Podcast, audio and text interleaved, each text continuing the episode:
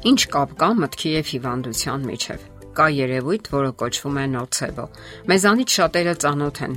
պլացեբո էֆեկտին։ Խմում ես հաբը առանց դեղամիջոցի եւ քեզ լավ ես զգում։ Ցավոք գոյություն ունի այս երևույթի հակառակ կողմը՝ նոցեբո էֆեկտը։ Դա նշանակում է, որ երբ մենք սպասում ենք հիվանդության, ապա կարող ենք իսկապես հիվանդանալ առանց որևէ օբյեկտիվ պատճառի։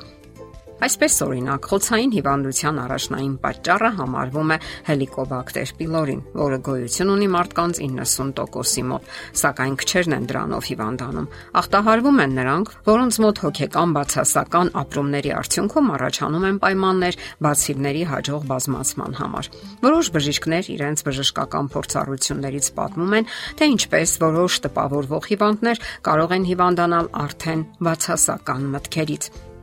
Այսպես նրանք կարդում են դեղամիջոցների կողմնակի ազդեցությունների մասին թերթիկը եւ ընդունելով դեղահաբը իրենց մոտ նկատվում են այդպիսի ախտանիշներ եւ սկսում են գանգատվել վատ ինքնազգացողությունից։ Շատերն էլ մտածելով, որ իրենք այս կամ այն հիվանդության բարձր ռիսկային գոտում են, ավելի հաճախ են հիվանդանում դրանով, քան նրանք, ովքեր իսկապես գտնվում են ռիսկային գոտում, սակայն չգիտեն այդ մասին։ Ասենք որ հաճախ դրան նպաստում են տարածված եւ անհիմն դուրերը։ Վերջերս հերոստակայաններից մեկով հայտնել էին, որ այսինչ հակադեպրեսանտ դեղամիջոցը օգտագործում են թմրամոլները, եւ ահա հազարավոր հիվանդներ անմիջապես հրաժարվեցին դրանից, թեև դեղամիջոցը հիանալի ազդեցություն էր գործում հիվանդների վրա։ Վերածննդի դարաշրջանի ֆրանսիացի գրող եւ փիլիսոփա Միշել Մոնտենը այսպիսի միտք է արտահայտել, որն ընդունված էր նաեւ հին լատինացիների մոտ։ Ուժեղ երևակայությունը ծնում է իրադարձություն։ Ասենք որ տագնապը նյութական երևույթ է, Պլացեբո եւ նոցեբո էֆեկտները մարդու ուղեղում ունեն միանգամայն իրական դրսևորումներ եւ բացատրվում են նյութական պատճառներով։ Այն հայտնաբերել է Միչիգանի համալսարանի գիտնական Ջոն Կար Զուբիետեն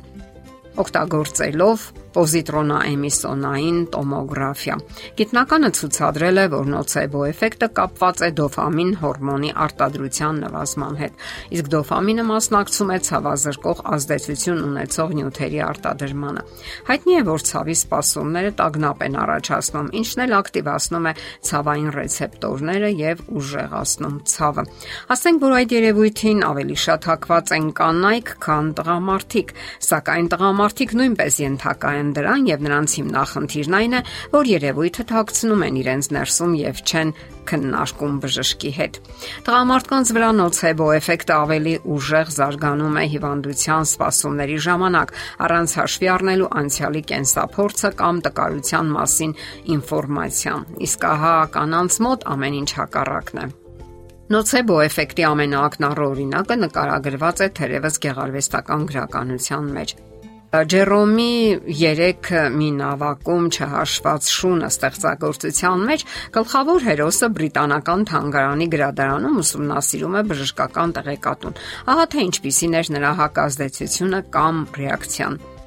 Այսպես ես բարեխղճորեն ուսումնասիրեցի այբուբենի բոլոր տարրերը եւ միակ հիվանդությունը, որը ես չհայտնաբերեցի ինձ մոտ ծննդատենդն էր։ Ես մտա այդ ընթերցասրահը որպես առողջ եւ երջանիկ մարդ եւ դուրս սողացի այնտեղից որպես մի խղճուկ ավերակ։ Այստեղ հեղինակը նկարագրում է իր հերոսին որպես բացասական ինքնաներշնչման վարպետ։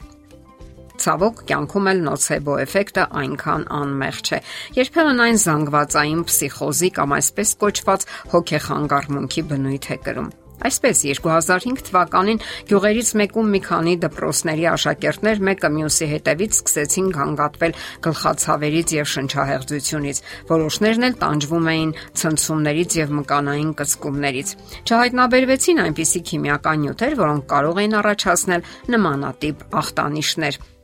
Եվ այսպիսի բռնկումները մեկ անգամ չէ, որ եղել են։ Ինչ կարելի է անել։ Մասնագետները խորհուրդ են տալիս ավելի քիչ վստահել ոչ իրազեկ, ոչ պրոֆեսիոնալ զանգվածային լրատվամիջոցներին կայքերին եւ ավելի շատ սիրել կյանքը լինել լավատես, ուրախանալ յուրաքանչյուր նոր սկսվող օրով, մտածել թե ինչպես կարելի է գեղեցիկ ու բովանդակալից դարձնել ու անցկасնել օրը։ Չէ որ շրջապատում սիրելի ու հարազատ մարդիկ կան եւ ձեզ սպասում է ձեր սիրելի աշխատանքը, ապա հանգստյան օրերը, երբ կարող եք հրաշալիորեն վայելել ձեր հանգիստը։ Միակ դեղամիջոցը այս պարագայում լավատեսությունն է։ Հարկավոր է պայծառ նայել կյանքին, հավատալ ու վստահել Աստծուն, չէ՞ որ նրան հայտնի են մեր բոլոր անհանգստություններն ու տագնապները, մտահոգությունները։ Մենք պետք է նրան հանձնենք մեր յուրաքանչյուր օրը։ Կիսվենք մարդկանց հետ, շփվենք դրական ձևով, մտածենք ինչպես կարող ենք ինքներս օգնել նրանց։ Պետք չէ թաղվել անուրախ մտքերի եւ հույզերի մեջ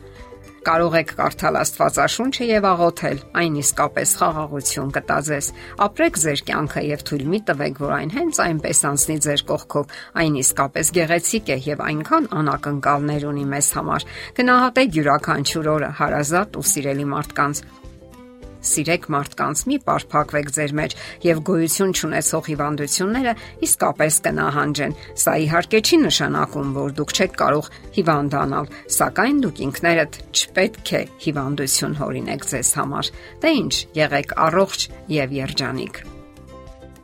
Հարցերի եւ առաջարկությունների համար զանգահարել 033 87 87 87 հեռախոսահամարով։